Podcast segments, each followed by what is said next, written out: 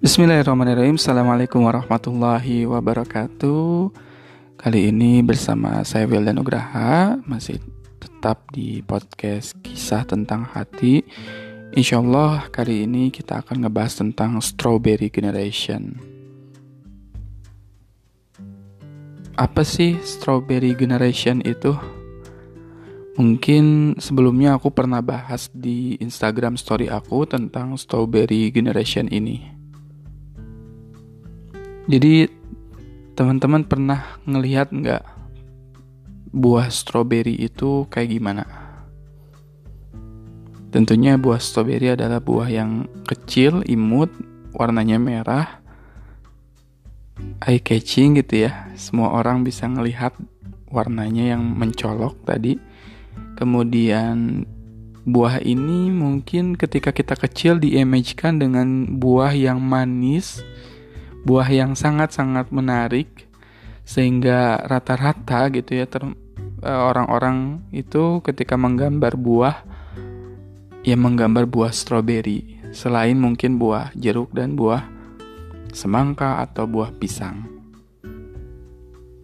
Dan pembahasan Strawberry Generation ini sebenarnya diambil dari buku karya Profesor Renal Kasali jadi beliau ini buat buku khusus tentang Strawberry Generation. Jadi menurut beliau Strawberry Generation ini adalah generasi milenial sekarang yang ketika kita tadi lihat strawberry aja ya seolah-olah cantik, seolah-olah sempurna, seolah-olah tadi eye catching gitu ya. Padahal sebenarnya ya strawberry kayak gimana sih gitu ya Strawberry itu dibalik keindahannya, kemenawanannya, dan kecantikannya itu menyimpan sebuah sifat yang mana strawberry ini rapuh. Jadi kalau strawberry mungkin digoresin ke tembok ya udah habis gitu ya stroberinya nggak ada. Padahal tadi citranya sangat bagus, citranya sangat dielu-elukan, tapi ketika ada goresan sedikit atau ada gesekan sedikit dia dia habis. Jadi sifat manusia tadi seperti ya tadi generasi millennials ini seperti tadi strawberry yang selalu kita impikan atau yang selalu kita elu-elukan adalah citra yang bagus,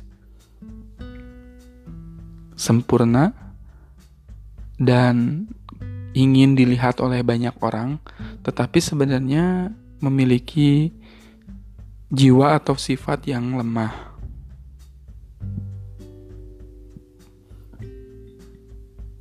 Kalau kita lihat dengan segala perkembangan zaman hari ini, ya kita dituntut sangat-sangat uh, sempurna gitu ya. Ketika kita di Instagram, kita main Instagram, kita lihat foto teman kita yang mungkin dia lagi traveling ke negara mana atau dia lagi upload di mana gitu ya, di daerah mana, di tempat mana seolah-olah semuanya itu sangat-sangat baik-baik aja atau seolah-olah orang tersebut happy-happy aja.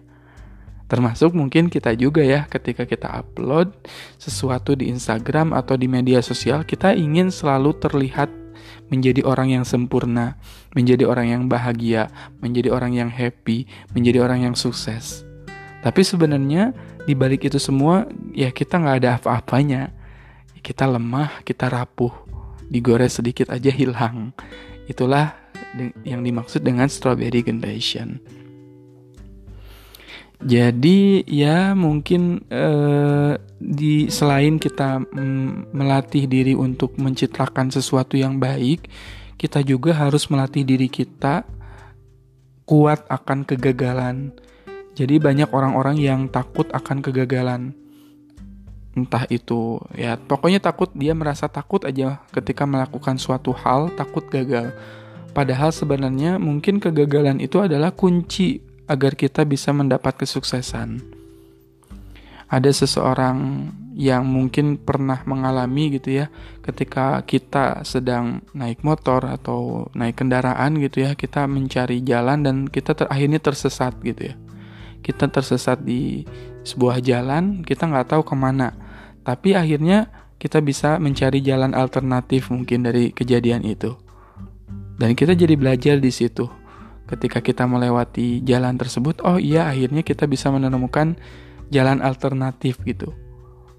Padahal tadi awalnya kita tersesat. Jadi nggak semuanya kegagalan itu hasilnya adalah negatif. Justru kita selagi muda harus melakukan dalam artian banyak kegagalan-kegagalan dalam kehidupan karena itu tandanya kita sudah mencoba melakukan sesuatu. Jadi kalau teman-teman gagal ya bangkit lagi ya gagal ya bangkit lagi gitu. Jadi kita harus meniru bukan generasi stroberi tapi kita harus menjadi generasi kurma. Teman-teman tahu nggak kurma itu kayak gimana siklus hidupnya? Jadi kurma itu bisa tumbuh di Arab ya di padang pasir yang sangat panas.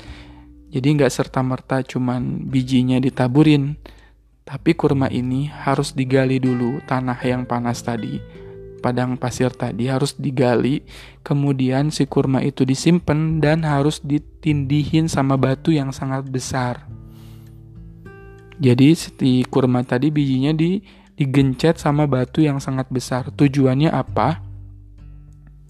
Tujuannya agar si kurma ini bisa tunasnya menonjol gitu ya, mendobrak dari batu tersebut. Yang artinya nanti ketika dia dewasa, pangkal dari pohon kurma itu akan kuat. Karena sedari dini dia sudah mendobrak tadi beban yang sangat berat dan kurma itu semuanya bermanfaat. Pelepahnya, buahnya, kemudian daunnya juga. Dan kita harus mengikuti siklus hidup kurma yang mana kurma ini nggak pernah mendapatkan air sedikit pun tapi bisa tumbuh dan pohonnya kuat, kokoh dan memiliki buah yang sangat banyak dan manis. Berbeda dengan stroberi Strawberry itu cuman digeletakin di permukaan tanah, dia tumbuh menjulur, tapi akarnya nggak kuat.